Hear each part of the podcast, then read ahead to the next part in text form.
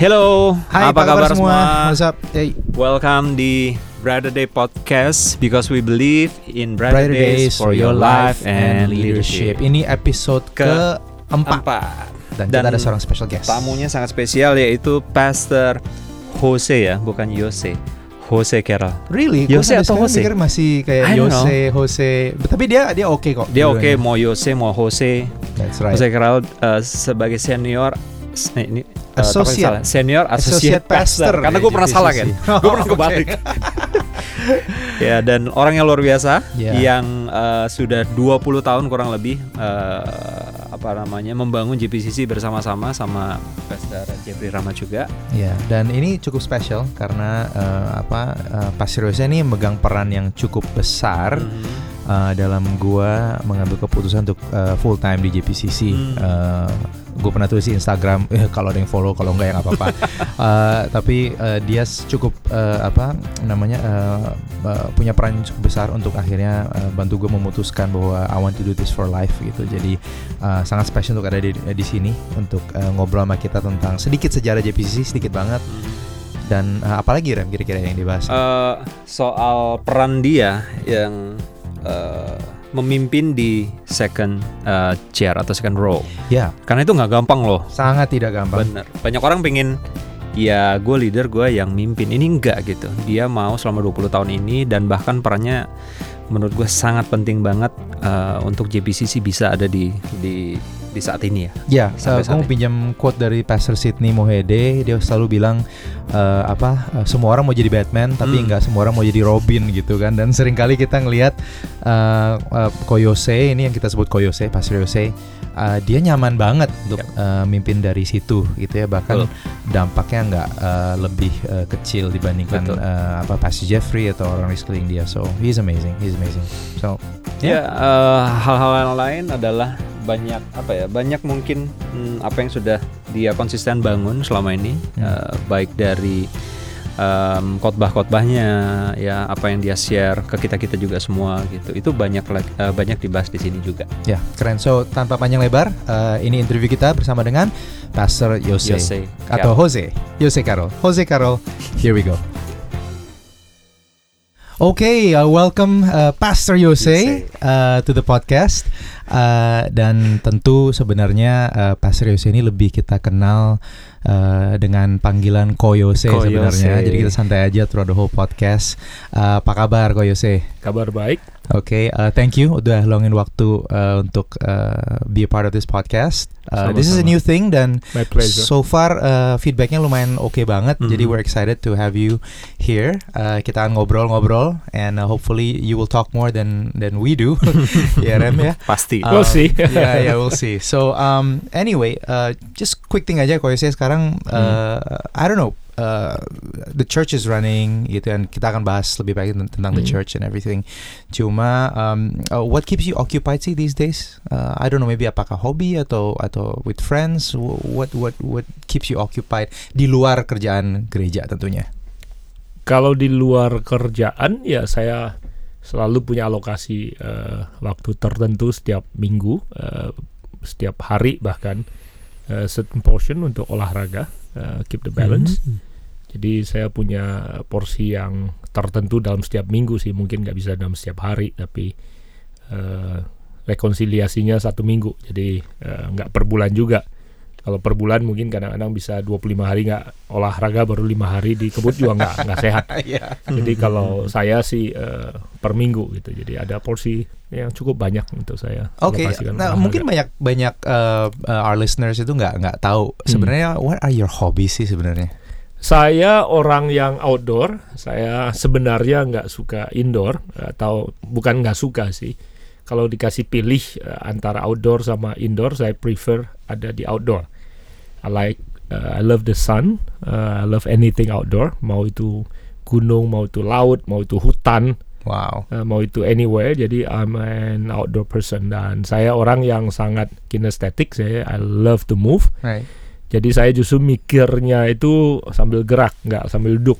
So Oke. that's part of my hobby. Oke, very cool. Well, uh, biasanya kalau all, all those activities outdoor gitu suka sendirian atau you bring your whole family atau gimana? Uh, unfortunately nggak bisa the whole family di keluarga saya uh, kami berempat dua outdoor dua indoor jadi uh, Hana uh, sangat allergic bukan sangat allergic sih kulitnya sensitif terhadap matahari Right. jadi dia nggak bisa pakai sunblock sementara uh, Joanne itu similar to me uh, sangat uh, penuh dengan gerakan juga outdoor dan Nathan mungkin closer to Hana when it comes to that Hmm. jadi Hana Hana dan Nathan lebih uh, more of an indoor person. Saya sama Joanne an outdoor. Wow, wow, okay, very very interesting to know. Well, um, happy to have you on the podcast. Dan uh, ini bukan the only time. I think ke depan kita akan bahas banyak topik lain juga. Sure. But but for today, uh, ada beberapa hal yang kita pengen bahas sama Koyose, Yeah. and uh, it's gonna be uh, varying things antara dua atau tiga hal yang kita mau bahas. Uh, gimana Rem? You might wanna start. Oke, eh, boleh tahu nggak apa yang yang membuat Koyose waktu awal-awal GBCC ada ya, Hmm. eh, memutus eh, membuat Koyose memutuskan untuk oke nih eh, bersama sama Coach Jeff untuk bangun bersama-sama eh, GPCC. Boleh tahu nggak? Boleh balik lagi ke masa itu apa yang Ya karena a lot of new leaders yeah. are listening to this. Jadi Yeah, mungkin mereka uh, nggak pernah dengar. Gitu. Of course awalnya based on uh, kebutuhan uh, karena wa- waktu itu di Jakarta uh, sudah ada kebutuhan karena uh, I think that up to that time waktu ide awal uh, perintisan jadi gereja itu adalah ada kegerakan yang terjadi di tengah-tengah anak-anak muda yang sebenarnya uh, semua adalah teman Tahun berapa ini? Eh, tahun awal awal permulaan daripada pertemuan anak-anak muda ini di 96-an. hmm, Jadi 96 dari ya? 96 sampai 99 itu ada ada kegerakan eh, di antara anak-anak muda yang tidak eh, berbasis gereja, basically di luar tembok gereja eh, bermula dari kebutuhan dan kerinduan mereka untuk mencari Tuhan Hmm. dan eh, sepanjang masa itu saya masih di Eropa dan saya eh, berbisnis dan eh, Jeffrey adalah partner bisnis dan itu sebabnya saya bolak-balik ke Indonesia karena urusan bisnis sebenarnya Wow. sambil me- melihat pergerakan anak-anak muda yang kemudian juga jadi teman saya teman-teman yang berkumpul jadi teman-teman saya yang awalnya mulai dari satu kantor karena berkantor bareng dan kerinduan kehausan mereka mencari Tuhan dan menemukan jalan keluar eh, dalam firman yang menyebabkan mereka mulai bertumbuh. Hmm. dan eh, domba-domba yang boleh bilang tidak dikembalakan ini Hmm. atau dikembalakan secara tidak langsung ini eh, mulai kebutuhannya bertumbuh pada saat mereka mulai punya kebutuhan untuk menikah Hmm, eh, memerlukan dokumentasi surat baptisan dan lain sebagainya. Legalis atau legalitas yang lebih jelas ada mulailah kebutuhan itu eh, mulai muncul dan sebagian mereka eh, berhasil kegerakan ini sebenarnya tentunya lebih daripada 40 orang yang menjadi jemaat mula-mula JPCC karena eh, kegerakan ini bertumbuh menjadi ratusan sebenarnya tapi sebagian besar eh, berhasil menemukan tempat di gereja-gereja lokal yang ada Hmm, hmm. dan hanya segelintir yang boleh dibilang agak unik Hmm. yang belum berhasil menemukan eh, tempat di gereja lokal inilah yang menjadi awal daripada jemaat mula-mula yang ada Oh. di JPCC. So uh, it started sebagai sebuah movement dulu, and then after that baru decide lah ya untuk uh, apa, terutama untuk orang-orang yang nggak punya gereja lokal, Ya. you Hmm. decide to build this. Alright, okay. Hmm, nah setelah dari 40 itu pasti bertambah ya QC ya. Ya, mereka adalah orang-orang awal yang eh, ada di eh, perintisan awal daripada gereja Mm-mm. JPCC. Nah kalau boleh tahu nih, eh Koyose sendiri kan waktu waktu apa sama-sama membangun. Nah posisi Koyose sendiri kan bukan sebagai lead pastor, Hmm. bahkan sampai sekarang pun Hmm. bukan sebagai lead pastor. Ya. Nah ini yang menjadi menarik buat kita. em, eh, bagaimana Koyose apa ya istilahnya punya punya apa ya punya cara atau punya untuk bisa ada di posisi itu gitu karena itu kan nggak mudah ya Hmm. mungkin banyak hal yang yang pengen dilakukan sendiri gitu tapi apa yang membuat Koyose selama kurang lebih 20 tahun terakhir ini bisa menjalankan peran itu dengan sangat baik gitu loh Saya rasa ya saya mengerti sih ada banyak orang menanyakan eh, hal ini karena ya lumrah sekali karena Hmm. di dunia maupun di Indonesia saya rasa eh, banyak orang tentunya memilih untuk menjadi orang nomor satu Mm-mm. karena punya keleluasan mengambil keputusan, menentukan arah dan lain sebagainya. Eh, tentunya eh, sama seperti sebuah pernikahan partnership itu selalu uh, ada tantangan tersendiri tapi ada keuntungan tersendiri Hmm. gitu Hmm. dan saya rasa setiap pilihan itu ada keuntungan ada kekurangannya mereka yang memilih untuk jalan sendiri tentunya melihat dari sisi keleluasaan Ya. sebagai individu yang bisa mengambil ke- keputusan dan menjalankan semuanya sendiri tapi kemungkinan besar mereka tidak melihat eh, apa dampaknya kalau ada kebersamaan Hmm. kalau saya eh, setiap keputusan yang saya buat itu selalu berdasarkan tujuan Hmm. Hmm. keuntungan dan eh, tujuan gitu dan buat saya ada banyak hal yang tidak bisa dijalankan sendiri pernikahan yang bisa berbuah itu nggak bisa jalankan sendiri gitu mau sehebat hebatnya seorang laki-laki dia nggak bisa melahirkan Hmm. Hmm, gitu ya. sehebat hebatnya seorang wanita sehebat hebatnya seorang wanita dia nggak bisa melahirkan tanpa benih daripada seorang laki-laki dan ya, itu sebablah itu sebabnya it- eh, kesatuan itu namakan sebuah pernikahan Ya. ada banyak orang eh, mau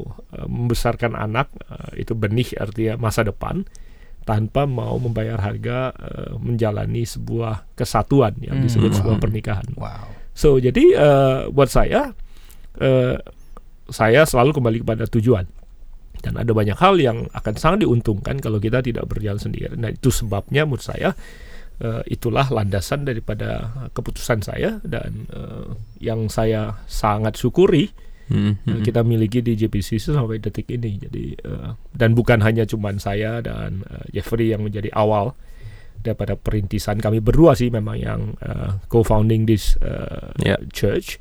Tapi kemudian eh, it includes everybody else, termasuk all the pastors dan all the staffs dan all the volunteers dan semua kita punya peran tersendiri. Hmm. Dan sinergi itulah yang mendatangkan eh, impact. Eh, dan eh, saya selalu yakin tentang hal itu dan tidak tidak ragu sama sekali. Ya, I mean if I can ini saya bahwa ya, udah 20 tahun JPCC uh, berjalan selama ini dan justru melihat Koyose mimpin dari second chair Mhm. ya uh, dengan your capacity itulah yang justru menginspire banyak orang uh, other leaders di sekeliling uh, uh, kita yang nyaman untuk leading from any chair Mm. gitu dengan kapasitas apa pun gitu kan. I Ya. mean hanya karena kita di second chair or third or fourth atau fifth itu bukan berarti bahwa less capable tapi Ya. semua justru jadi sinergi gitu. So Mm. that's that's amazing. Tapi buat Koyose sendiri Mm. um, what do you think adalah tantangan terbesar uh, maybe bu- mungkin nggak necessarily untuk Koyose tapi untuk anybody yang Hmm. leading dari second, third, fourth chair gitu. Yang sering kelihatan apa kira-kira? I just wanna chat aja kira-kira. Ada nggak yang common gitu? Eh, maksudnya challenges ya. ya challengesnya kesulitannya yang di observe uh, Saya rasa sama di dalam setiap partnership termasuk saya kira ini akan sangat mudah dimengerti yang menikah atau yang punya partners di bisnis eh, yang mana eh, eh, kita tidak mengambil keputusan sendiri based on eh, cara berpikir kita sendiri dan kita putuskan konsensus keputusan itu dalam diri kita sendiri.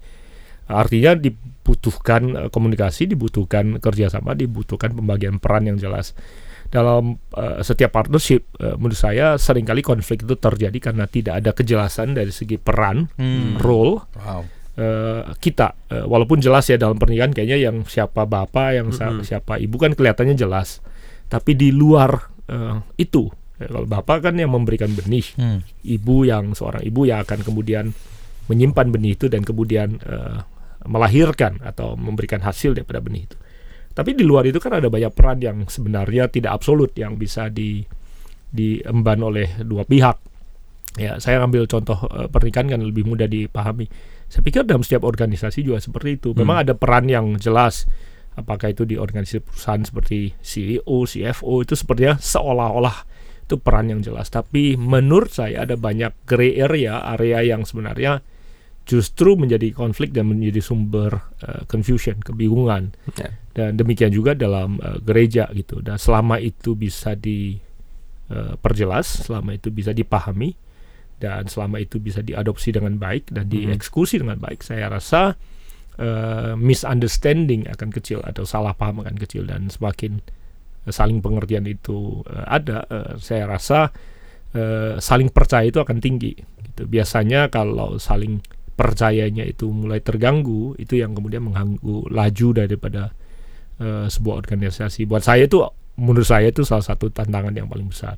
apa Oke. yang kau bisa lakukan kalau disagree sama Ko Jeff eh, kembali lagi kepada kepada posisi kalau memang itu adalah bagian daripada sesuatu yang harus dia putuskan sebagai seorang pemimpin, saya disagree eh, dan saya akan berikan eh, pendapat pemikiran kenapa saya disagree. Tapi kemudian akan ambil dan menerima keputusan itu kalau memang itu ada di plate atau di dalam perannya Hmm. dia dan demikian juga sebaliknya kalau memang ada hal-hal yang memang ada di dalam eh, atau area saya untuk mengambil keputusan tentu saya harus mendengarkan pendapat dan dan di area di posisi saya sebagai second chair saya juga harus mengakui dan harus menerima eh, fakta bahwa keputusan saya harus bisa di overrule Mm-mm. oleh eh, leader pemimpin dalam hal ini eh, seorang gembala sidang daripada gereja dan saya tidak boleh merasa tersinggung Hmm. karena itu terjadi dan itulah bagian daripada eh, partnership yang ada. Wow. Hmm. Wow. Nah untuk Koyose sendiri untuk ngebangun trust, eh, kan trust penting tadi ya, Hmm. Koyose bilang.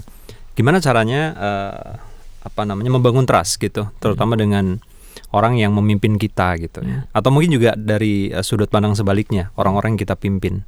Nah selama ini bagaimana caranya tuh? Framework membangun trust itu alkitabiah dan itu berlaku universal bahkan eh, basic eh, framework untuk membangun kepercayaan itu adalah tanggung jawab. Hmm. Eh, dalam Alkitab itu kata tanggung jawab, kata percaya itu memakai akar kata yang sama pistos. Hmm. Barang siapa setia, barang siapa tanggung jawab, dia dapat dipercaya Mhm. eh, untuk dipercayakan hal-hal yang lebih besar. Jadi Wow.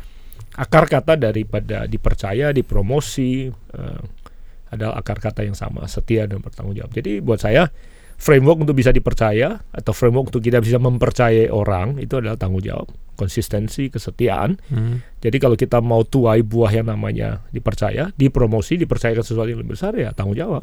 Nah, tanggung jawab dan kesetiaan itu tidak eh, berarti kesempurnaan. Right. Orang yang Iya. bertanggung jawab adalah orang yang juga akan That's bikin good. salah, Wow. pernah bikin salah dan akan terus bikin salah. Yeah. Tapi respons dia waktu bikin salah, waktu dia melakukan atau menunjukkan kelemahan, respons itulah yang disebut dengan apakah dia bertanggung jawab atau dia tidak bertanggung jawab. Wow. Apakah dia setia untuk kemudian eh, bertanggung jawab terhadap apa yang dia lakukan, yang menentukan apakah dia masih tetap akan berhak untuk menuai dipercaya apa tidak gitu.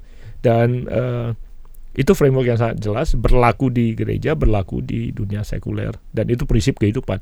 Kalau kita kembali pada eh, soul searching men- menilik hati kita sendiri. Orang-orang kita percayai tanpa ragu kalau orang itu tidak akan mengkhianati kita. Kalau kita teliti, biasanya orang-orang itu bukan karena orang itu sempurna, orang itu pintar, orang itu kaya, orang itu hebat, orang itu terkenal. Biasanya rasa percaya kita berikan sama orang-orang itu karena orang-orang itu menunjukkan konsistensi, Hmm. eh, kesetiaan, tanggung jawab. So you gonna come back to all those values yang sebenarnya akar katanya pistos.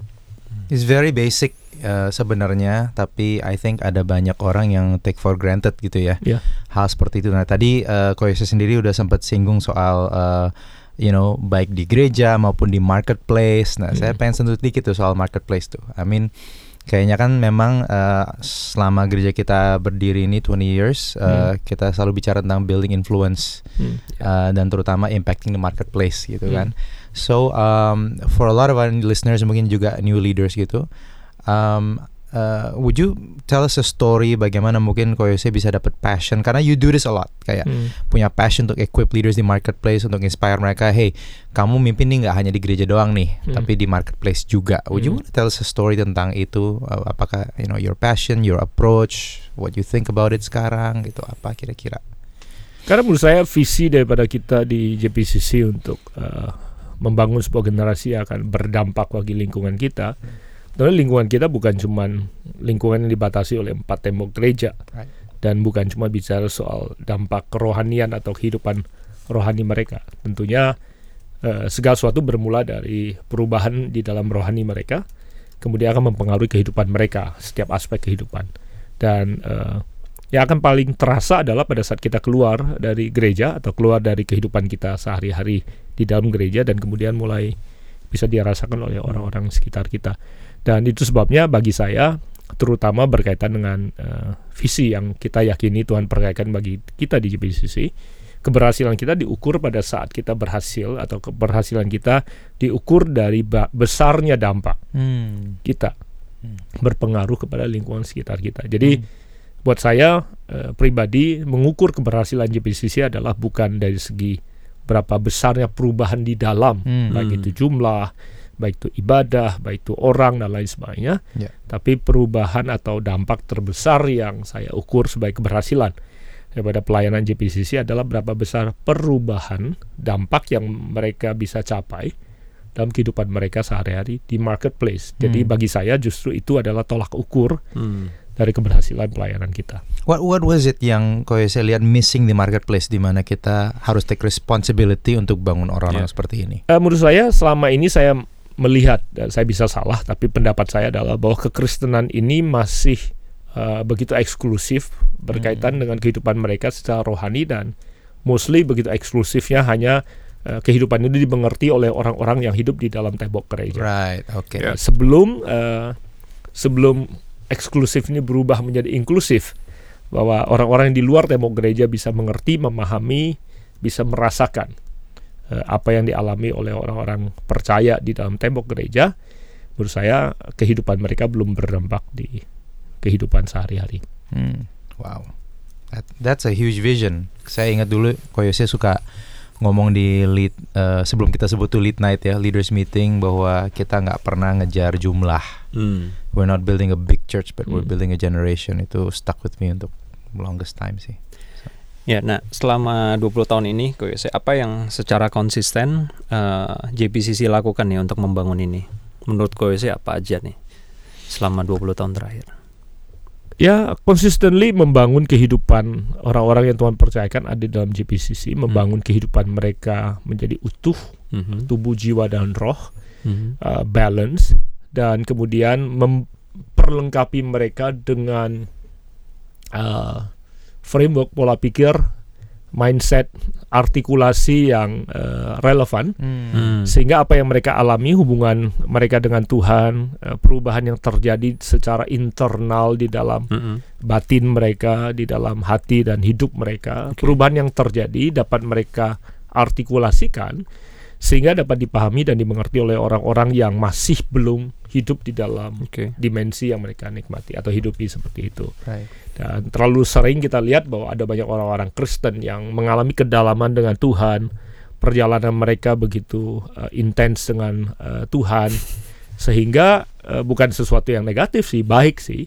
Cuma saking intensnya uh, apa yang mereka alami tidak dapat dipahami oleh orang-orang yang ada di luar Wow. tembok gereja. Ya.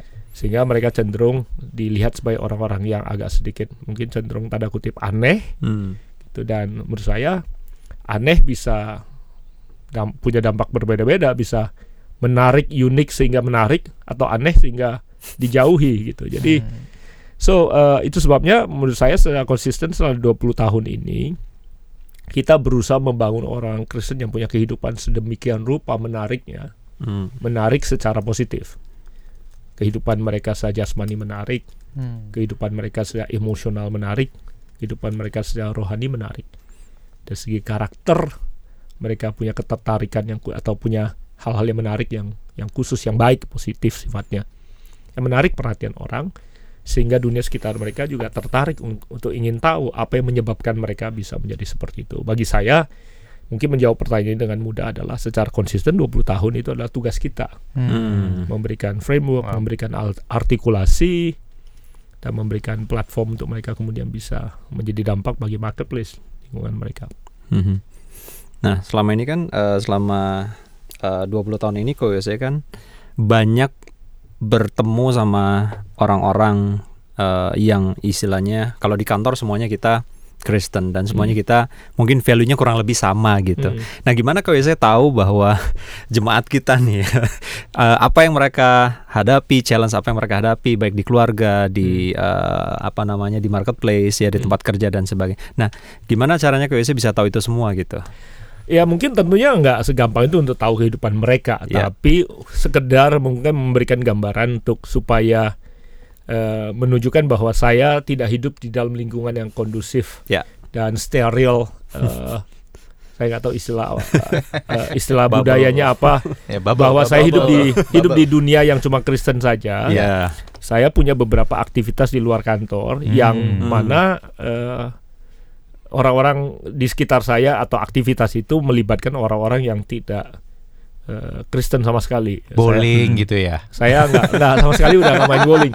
Tapi saya saya Itu boleh eh, diceritain. misalnya misalnya saya saya punya salah satu hobi yaitu main golf. Eh, Saya masih bermain eh, di beberapa lingkungan orang-orang yang tidak eh, Kristen Mm-mm. tentunya Eh, bahkan orang-orang yang jauh lebih tua udah pensiun. Jadi saya bisa punya perspektif tentang eh, masa tua yang sedikit lebih Wow. eh, dekat gitu ya eh, iya. dari mereka gitu. Mereka orang-orang pensiunan yang sudah berusia 60 70 tahun. Saya main Hmm. dengan mereka wow.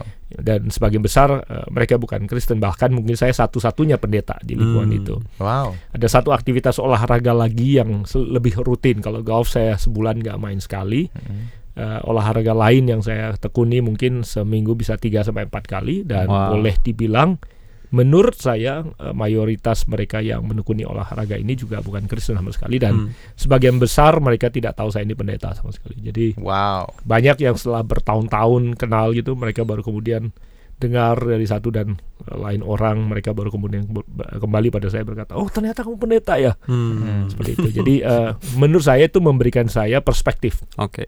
Ya. karena saya ada di situ bukan sebagai orang Kristen Ya. tapi sebagai individu dan eh, teman-teman yang eh, saya kenal di situ sama sekali nggak Kristen Ya. saya nggak tahu apakah itu menjawab pertanyaan Nah, iya, I mean that that's a good ini ya, eh, Iya. apa eh, menarik banget buat saya karena em, kalau misalkan ada yang mendengar dan latar belakangnya kayak eh, a different apa aliran kekristenan gitu ya, eh, mungkin akan ngerasa bahwa kok selama ini kamu di lingkungan seperti itu nggak ada yang tahu kamu Kristen gitu, Eh, bukankah eh, pendeta harusnya menjadi terang dan Iya. langsung nginjilin mereka gitu? What, what do you say respon kau sih terhadap Oh, iya. itu gimana? Ya, saya kira komen yang baik, objektif dan fair. Eh, saya tentunya tidak keberatan kalau mereka tahu saya Kristen gitu. Tapi in the first place saya tidak eh, perkenalkan diri saya sebagai pendeta. Hmm. Tapi akan jauh lebih baik kalau seandainya mereka dari waktu ke waktu kemudian setelah sekian lama Hmm. berkenalan mereka eh, tidak menolak saya Ya. Eh, karena saya adalah orang yang mungkin eh, bisa diterima dengan baik, dianggap punya kepribadian yang menarik, tidak menyebalkan, eh, jujur, dan kalau ada nilai-nilai yang bagus yang kemudian membuat mereka membuka diri untuk saya menjadi seorang teman yang Ya. Mm-mm. baik. Dan tentunya kalau kesempatan itu ada dan kalau kemudian mereka suatu hari bertanya saya kerjanya apa, saya tentunya akan menyatakan dan memberitahukan pada mereka saya kerjanya apa, saya siapa dan kalau mereka kemudian buka diri eh, untuk pertanyaan-pertanyaan yang lebih lanjut tentunya dengan senang hati saya akan jawab yang mana memang sudah terjadi beberapa berulang kali Hmm. Mm-mm. gitu. Setelah sekian lama berkenalan, ada banyak teman-teman yang kemudian membuka diri, kemudian eh, bertanya tentang kehidupan, bertanya tentang jalan keluar dan lain sebagainya. Pada saat itu hati mereka sudah terbuka karena eh, selama ini sudah ditaburi dengan eh, hubungan yang baik sih. That's Daripada kemudian mereka menutup diri. That's Saya great. rasa itu mungkin jauh lebih buruk eh, akhirnya. Ya, ada ada ada beberapa eh, orang yang saya dengar eh, komentar bahwa approach kita tuh sangat soft selling banget gitu. Hmm. ada yang pernah ngomong begitu. Soft Uh, selling. Iya, It's but yeah, but I think I think it uh, apa it works karena uh, kita lihat dari influence yang uh, terjadi selama 20 tahun terakhir. Mungkin istilah saya bukan soft selling sih, Hmm, apa itu? passively aggressive. Passive aggressive, oke. Karena agresif itu nggak harus selalu agresif Ya, sih. ya. That's right, that's right. So gue sih selain uh, responsibility tadi ya, Hmm. uh, kita bahas soal tanggung jawab untuk Hmm. punya influence dan lain-lain. Uh, ada ini a- apakah ada nilai-nilai lain lagi yang clearly perlu dimiliki seseorang kalau mereka memang mau efektif ada di marketplace um, yang selama ini kita coba tanamkan di mereka juga gitu. Things yang intentionally uh, Koyose sampaikan melalui khotbah, melalui konten yang Koyose buat selama ini.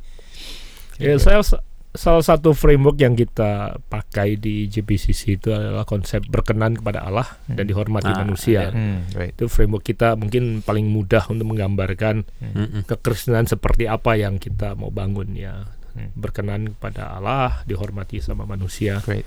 Saya kira rasa hormat itu nggak akan datang tanpa eh, penerimaan, eh, tanpa kesenangan orang terhadap kita. Maksudnya kita nggak mungkin dihormati kalau kita bukan pribadi yang disukai, diterima, Ya, wow. dihargai, disenangi gitu. Dan saya tidak bicara bahwa kita berusaha untuk menyenangkan semua orang. Hmm. Jadi orang yang berusaha untuk istilahnya membuat semua orang senang sama kita bukan sih tapi bicara soal uh, kehidupan yang punya nilai kehidupan yang uh, berprinsip Hmm. kehidupan yang memegang eh, nilai-nilai yang yang jelas gitu Wow. dan biasanya kalau kita pegang nilai yang jelas eh, malah konsekuensinya tidak semua orang selalu suka sama kita Iya. bahkan Hmm. Iya. tapi kalau kita punya nilai yang konsisten dan jelas jadi bukan cuma jelas tapi konsisten Iya. kalau jelas nggak konsisten juga repot berarti kita berubah-ubah dan orang nggak bisa pegang Iya. kita tapi kalau kita punya nilai yang jelas dan konsisten dan kita senantiasa seperti itu eh, saya percaya eh, mereka akan menghormati kita Ya. dan ada yang menyukai Iya. dan bahkan yang tidak menyukai pun eh, akhirnya harus menghormati kita mengagumi dan ya apresiasi apa yang kita pegang dan bagi saya itulah eh, dasar daripada kekristenan kalau kita hidup seperti itu Hmm. eh, kita akan punya dampak dan punya pengaruh yang cukup besar terhadap lingkungan di sekitar kita apalagi di eh, negara kita saya kira untuk mencari orang-orang yang berprinsip dan teguh berpegang pada prinsip mungkin bukan sesuatu yang mudah untuk di- Hmm, wow. ditemukan Ya, ya I- I- I- itu satu hal yang eh, saya temukan selama perjalanan kita ini as a church eh, adds eh, sebuah layer tantangan yang cukup besar gitu ya Hmm. karena eh, mungkin banyak eh, orang Kristen terutama eh, secara general kayak oke yang penting gue berkenan di hadapan Tuhan nih gitu. Hmm. Tapi untuk level dihormati manusia itu kan perlu kredibilitas gitu kan untuk mereka bisa melihat oke let me listen to what you have to say dan eh, eh, apa saya it's amazing karena to be part of all this merasa bahwa itu strategi yang sangat efektif untuk kita bisa reach uh, this generation. Nah, kalau saya ini kan kita udah 20 tahun nih JPCC nih, ya. So uh, startnya tahun 99, Yep. ya kan? Um, ini ada orang bilang one generation is 20 years gitu. Uh, boleh cerita nggak? Just iseng aja, apakah ada uh, shift-shift tertentu, perubahan tertentu yang kalau saya lihat waktu, you know, waktu pertama mulai JPCC sama generasi yang sekarang saya yang baru muncul nih gitu. Any distinct differences nggak gitu antara uh, dulu sama sekarang gitu. Cara yang mungkin mengubah approach cara koyo saya mimpin atau komunikasi atau apa pun itu. fashionnya sih berubah banget Oh, Oke, dan udah pasti Pasir Jose uh, nggak pernah outdated fashionnya. 20 tahun sih ya berubahnya banyak fashion dari zaman celana bawahnya gombior sekarang skinny Iya. atau sebentar lagi balik lagi ke gombior kali Eh, saya rasa ya banyak ya dunia berubah begitu cepat waktu kita awal JPCC wifi masih dial up eh, atau Internet ya. connection internet connection masih dial up Eh, Oh, Ada nggak approach, let's say your, your ministry sama khotbah yang berubah selama 20 tahun ini? Kalau saya nggak sadar sih apakah saya berubah. Mungkin itu perlu pihak ketiga yang Wow. mengamati. Wow. Cuma kalau kalau menurut saya pola pikir ya progresif ya. Ya. Hmm. Ada hal kalau ditanya apakah saya berubah, ya jelas banyak sekali perubahan. Ya. Cuman kalau ditanya approach-nya saya nggak nggak tahu apakah secara sadar atau tidak sadar saya berubah. Tapi kalau pola pikir banyak berubah, bahkan Hmm. pendapat-pendapat yang berkaitan dengan standpoint saya secara teologis ya ada banyak yang berubah. Namanya Wow. karena perubahan budaya, perubahan eh, zaman, ada banyak perubahan yang terjadi. Idealisme berubah nggak? Kalau menurut saya kalau itu prinsip dasar yang kita yakini dari segi firman Tuhan nggak berubah sih. Hmm.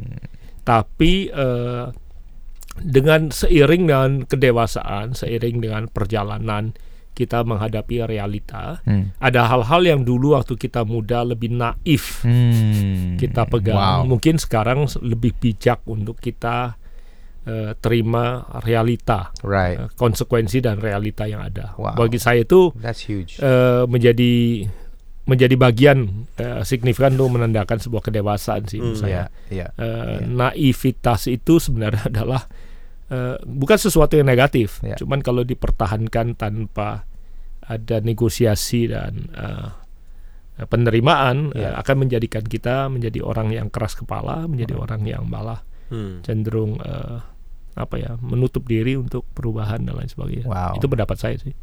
Mengerucut nih sedikit. Koyose dalam jalanin semua ini nih kan tadi ngomong soal uh, berubah dari naif menjadi lebih dewasa itu kan butuh proses tuh ya Hmm. dan itu bukan sebuah proses yang uh, uh, apa banyak orang berhasil lalui Iya. gitu Hmm. Uh, di tengah perubahan itu pernah ngerasa pengen give up gak? ngerasa burn out atau capek? Karena Kalau biasa orang yang naif berubah jadi dewasa itu ada Iya. ada persimpangan itu tuh. give up nggak pernah. Saya saya jujur saya rasa nggak pernah. Tapi kalau capek ya lumrah gitu. Burn out. Saya rasa lumrah sih. Eh, ada masa Hmm. masa-masa di mana eh, capek, lelah, letih. Saya rasa sesuatu yang sangat normal sih. Wow. Coba ditanya kapan saya juga nggak ingat jelas. Pasti ada. Wow, ya. Tapi kalau mau give up sih nggak Hmm. sama sekali saya That's great. nggak Yeah. pernah sampai ke titik di mana mau give up itu nggak sama sekali nggak nggak pernah bahkan jauh daripada itu. Yeah. Tapi kalau eh, frustasi, Ya. capek, burnout menghadapi eh, situasi tertentu yang belum berubah Hmm. atau akan berubah dan lain sebagainya, saya rasa sih itu sesuatu sesuatu yang normal. Ya, karena banyak orang, uh, let's say ya, even our leaders atau jemaat kan ngeliat Koyose kadang tuh, wah, you know, setiap minggu khotbah, Mhm. kayak ini orang gimana nih selalu ada di atas situ terus gitu, you know. So uh, they don't see sehari-hari tuh uh, apa prosesnya, pendewasaannya gitu. So so it's it's amazing untuk Koyose bilang ya, you know, tetap ngalamin, tapi you never give up karena apa? Hmm. Karena saya lihat Koyose juga ada seorang ya seseorang yang sangat fokus on the vision Iya. dan ya konsisten gitu. Nah kalau tadi Koyose ngomong eh, bicara soal pernah capek dan sebagainya, apa yang Koyose lakukan tuh waktu lagi ya mungkin Buat eh, refreshing ya. Iya, buat refreshing. Karena pasti nggak nggak sekali dua kali kan, pasti capek ya mungkin beberapa tidur. kali. Hmm. kalau tidur ya, generasi kurang tidur ya. Gitu. kalau kalau bicara soal fighting eh, menghadapi burnout, frustasi, capek, lelah itu ya balance ya di other side ya. Hmm. Kalau itu physical eh, tiredness ya physical rest. Kalau emotional stressed ya mesti ada balance di, di other side gitu Hmm. dan banyak juga yang mengalami kerohanian kering gitu Hmm. ya mesti mesti balance. Jadi saya kira ya mau itu jasmani, mau itu jiwani, mau itu rohani ya Hmm. kita perlu balance. Hmm. Ya buat saya sih eh, seperti itu. Jadi eh, bahkan ada hal-hal yang sifatnya emosional itu bisa dihadapi, bisa ditangani secara Oke. physical gitu. Berapa sering saya kadang-kadang juga secara mental capek, ya olahraga, keringat katanya bisa mengeluarkan banyak racun Hmm. di tubuh kita. Ya. Eh, banyak orang yang ins- insomnia, nggak bisa tidur, stres dan eh, untuk bisa menenang pikiran eh, kadangkala eh, aktivitas jasmani, eh, fisik eh, seperti olahraga dan keringat itu bisa menolong untuk netralisir kimiawi otak yang ada dalam tubuh seseorang, sistem seseorang. Jadi eh, saya sih itu salah satu jalan keluar saya. Oke. Jadi eh, I like to sweat seperti tadi saya katakan saya suka outdoor. Jadi eh, sweat adalah salah satu eh, solusi yang saya selalu datangi Hmm. beberapa Wow. kali seminggu Ya. untuk eh, melepaskan penat, melepaskan stres, melepaskan kelelahan, melepaskan frustasi. Mhm. Ditindaklanjuti dengan tidur Mhm. dan istirahat yang cukup dan ya biarlah ke- kekhawatiran dan kelelahan sehari cukup untuk sehari.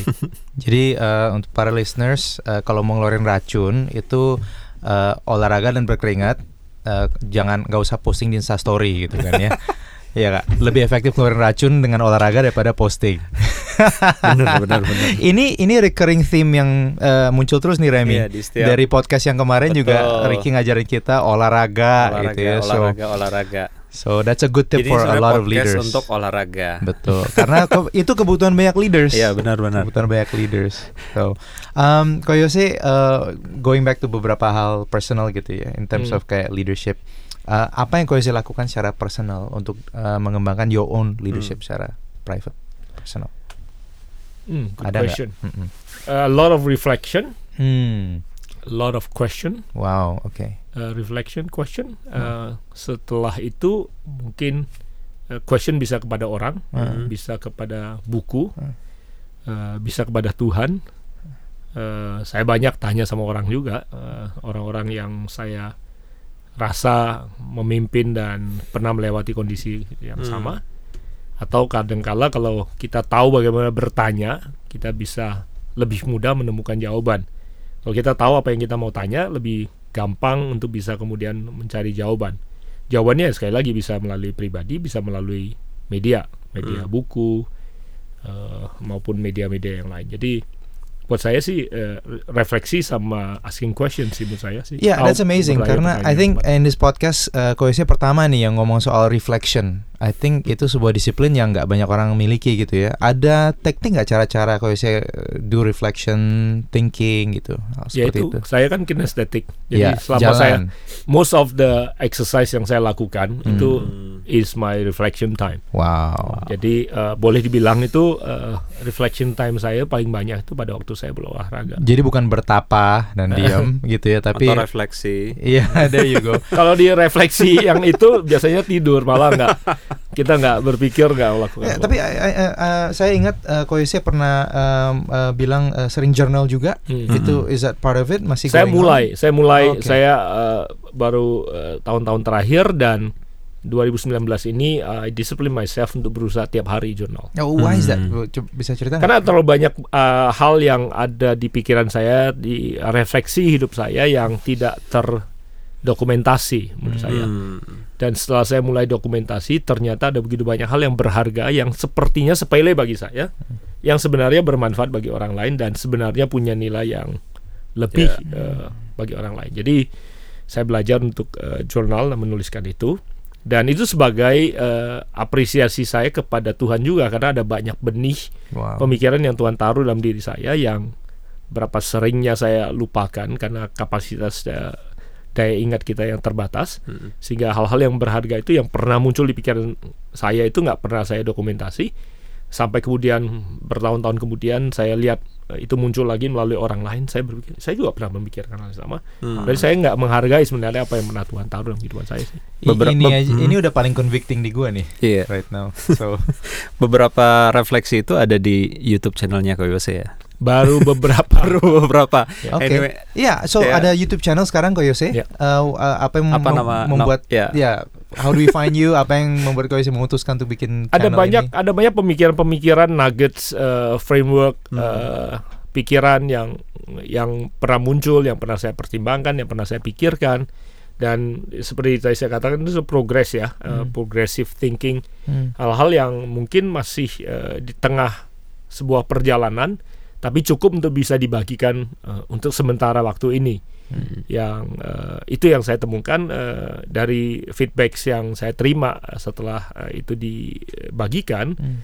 Eh, dan betul eh, ternyata ada banyak begitu banyak orang yang mendapatkan bantuan dari eh, yaitu eh, framework frameworks yang eh, dibagikan jadi mereka eh, bisa terbantu Hmm, boleh share nggak satu framework aja yang ada di yang udah pernah di share tuh di di YouTube channelnya Koyose. salah satu mau yang Salah mana? satu aja yang mana aja. Yang mana aja? Anggap ini sebagai promotion. Karena belum banyak orang yang tahu bahwa Iya, Koyose itu ada ada udah ada channel YouTube sendiri. Betul. Saya lagi coba ya mungkin ya salah satu yang saya bagi di situ soal kejujuran definisi kejujuran. Kejujuran. oke. definisi daripada kejujuran misalnya waktu itu di YouTube tuh saya bagi waktu itu saya eh, sempat cerita tentang eh, suatu kali saya lihat ada dua orang main catur Mm-mm. Pada waktu di akhir daripada atau setelah sekian lama mereka main tiba-tiba salah satu orang dari mereka berteriak ini curang nih. Ini Hmm. bohong nih. Katanya anak Tuhan gitu. Ah, oke. curang nih curang. Dia teriak curang dan bohong. Dua kata curang dan bohong. Terus saya tanya maksudnya apa ini? Ya nih eh, jebakan gitu. Ternyata dia yang berteriak curang dan bohong itu terjebak oleh eh, lawan mainnya Oke. di catur yang akhirnya berhasil menang tentunya. Dan yang berteriak curang dan eh, bohong ini merasa dia terjebak gitu. Nah, pertanyaannya adalah apakah lawan mainnya ini tidak jujur dan berbohongkah dan curangkah? Hmm. Eh, dan itu yang perlu didefinisikan dengan baik oleh kita sebagai orang Kristen tentang kejujuran. Karena kalau kita salah mendefinisikan, menurut saya kita akan sulit menjadi orang Kristen yang bisa menang di dalam kehidupan. Oke. Eh, apakah kalau kamu bermain catur harus kasih tahu Hmm. langkah-langkah strategimu untuk menang. Karena kan kita disuruh untuk menang dalam hidup. Ya. dan bagian daripada strategi untuk menang adalah mungkin tidak menyingkapkan langkah kita atau beberapa langkah kita ke depan. Hmm. bahkan mungkin termasuk di antaranya membuat orang berpikir bahwa kita akan melangkah seperti itu. Dan apakah kalau kita melakukan melakukan itu kita sedang eh, melakukan tindakan curangkah Nah kalau kita mau jujur kasih tahu langkah strategi kita semua, kita nggak bisa main bulu tangkis lagi mengeluarkan pukulan-pukulan yang Hmm. menipu tanda Ya, kutip ya. ya. Wow. Apakah kalau kita lakukan itu kita menipukah? Kan enggak. Hmm, itu ya. bagian daripada strategi. Jadi menurut saya kekristenan akan di- bisa dijalankan dengan baik kalau kita punya framework Hmm. eh, Iya. yang jelas tentang Ya. kata jujur itu sendiri. Mm, mm, mm. Kalau Wow. tidak, kita akan menjadi orang Kristen yang konyol Ya. Hmm. dalam menjalani kehidupan, dalam berdagang, dalam eh, bekerja, Hmm. apalagi dalam dunia politik. Ya, ya. Oke. Kita Dan akan babak belur. Dan semua ini ada di channel YouTube-nya Jose Carol. Jose Carol. Bisa di Tinggal di Tinggal di search. share saja. dan subscribe juga dong. Yuk. Iya. Uh, Ko Yose, em, sumber inspirasi ada nggak? Tuhan Yesus. Amin.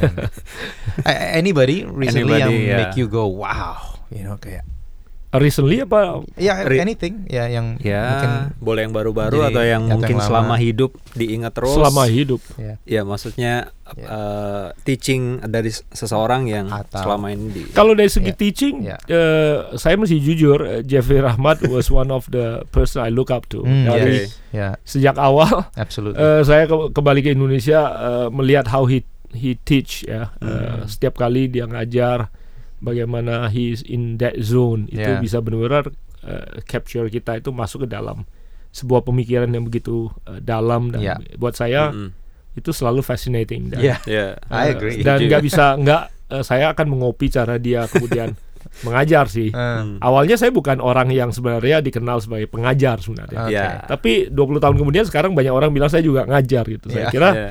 Nggak bisa lepas dari pengaruh eh, Jeffrey dalam Iya. hal cara dia mengajar, cara dia berbagi sebuah pemikiran, eh, selangkah selapis demi selapis dia buka kemudian dan karena terbiasa dengan itu dan eh, suka dengan cara itu dan kemudian mulai mulai mempraktekkan itu dan saya rasa itu salah satu inspirasi yang wow, terbesar yang great. ada That's dalam great. hidup saya. Uh, anybody else mungkin I don't know di di dunia gereja Hmm. sekuler yang right now yang mungkin Ko Yose lihat dan wow, that's that's amazing apa yang mereka lakukan.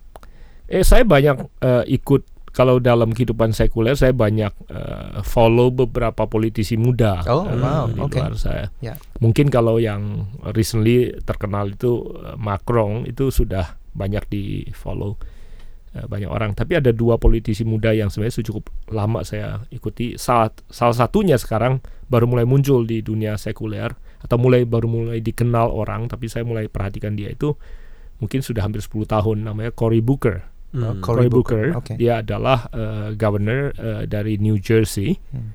yang sepertinya tahun depan ini dia akan running jadi candidate Hmm, Hmm. wow. eh, Democrats punya candidate untuk menghadapi eh, Donald Trump. Mm. Eh, saya pertama kali eh, notice Cory itu like more than 10 years ago, Hmm. eh, young politician dan saya suka eh, ikuti dia punya framework, dia punya comments Mm. dalam dia menghadapi isu-isu yang very kompleks di politik gitu. Jadi cara dia menghadapi isu yang ada, bagaimana dia berkomentar, bagaimana dia menentukan posisinya dia, kemudian bagaimana dia eh, lewat dari tekanan eh, yang ada, kompleksitas yang ada, menarik untuk dipelajari gitu.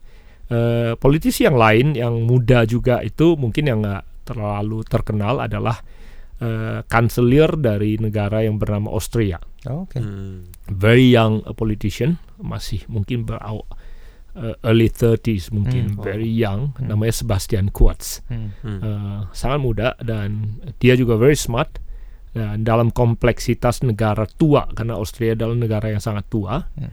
uh, dia berhasil menjembatani uh, negara yang begitu apa ya kerajaan sih Australia kerajaan yang sangat tua Hmm.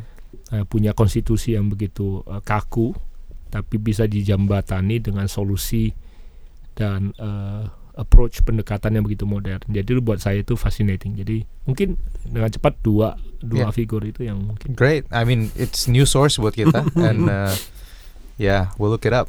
Ya pasti. Uh, well, Koyose uh, as a closing Hmm. untuk ini uh, pengen minta Koyose lakuin sesuatu. oke Uh, so tagline podcast kita Hmm. ini uh, we believe in brighter days for your life and leadership. Hmm.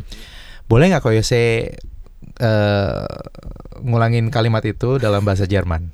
Oh. Kalimat apa? Brighter Uh, days. we believe in brighter days for your life and, And leadership. leadership. we believe in Brighter days Brighter days. for your life For and your leadership. and Karena nggak banyak orang tahu mungkin bahwa Koyose ini uh, super fasih dalam Super bahasa Jerman. dalam bahasa Ya. Jerman. So uh, who knows? Uh, ke depannya kita ada German audiences uh, dan listeners. Coba Koyose bisa nggak bicara dan ulangi dalam bahasa Jerman? Wir glauben an leuchtenden Tagen für dein Leben und Leiterschaft. Keren. Option kedua. Wir glauben an hellen Tagen für dein Leben und Leiterschaft. Asik. und light apa und Leidenschaft. Terakhir. Leiterschaft. Wow, awesome. Well, biasa. thank you. Thank you banget Thank you, Koyose. Thanks for your time. You're welcome. Uh, again, uh, thanks untuk uh, kita bisa kenal up close and personal lebih lagi Mhm. dan uh, hopefully in uh, future episodes kita bisa ngobrol Kita bisa ngobrol lagi. Sure. Yeah, great. Pleasure. Thank you. Thank Thank you. Gua sangat-sangat convicted tadi mendengar uh, apa Pasirose pun atau Koyose um, apa menekankan pentingnya untuk berolahraga rem. Kayaknya udah berapa episode semuanya kita bahas tentang itu sih. Yes, I understand. Kayaknya sekarang gua akan eh, gua benar-benar harus mulai eh, untuk melakukan itu dan juga sebenarnya yang eh, take away yang paling praktis buat gue juga eh, ada satu bagian tuh yang dia bilang eh, apa di mana dia menulis eh, reflection gitu ya. Itu itu kayak sebuah disiplin yang kita eh, kehilangan these days Betul. dan kita harus slow down untuk benar-benar proses apa yang kita pikirkan gitu ya. So, Betul. ya. Buat gue sendiri eh, dia bicara mengenai trust sih kan. Hmm. Bahwa peran apa pun kita eh, kita harus bisa eh, membangun trust itu karena trust itu penting gitu Betul. ya.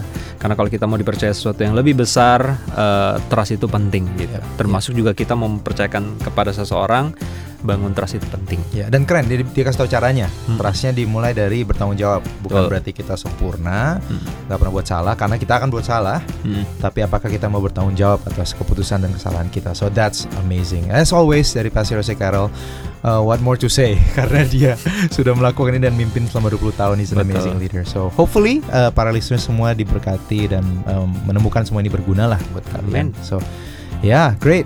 So Oke, that's it. See you di next episode. next episode uh, and very special guest di next episode. Uh, uh, minta semua listener untuk terus doakan supaya kami bisa dapatkan jadwalnya Betul ada di podcast sekali. ini. Alright, so thank you. Sampai ketemu. Thanks Remy. Thanks Kenny.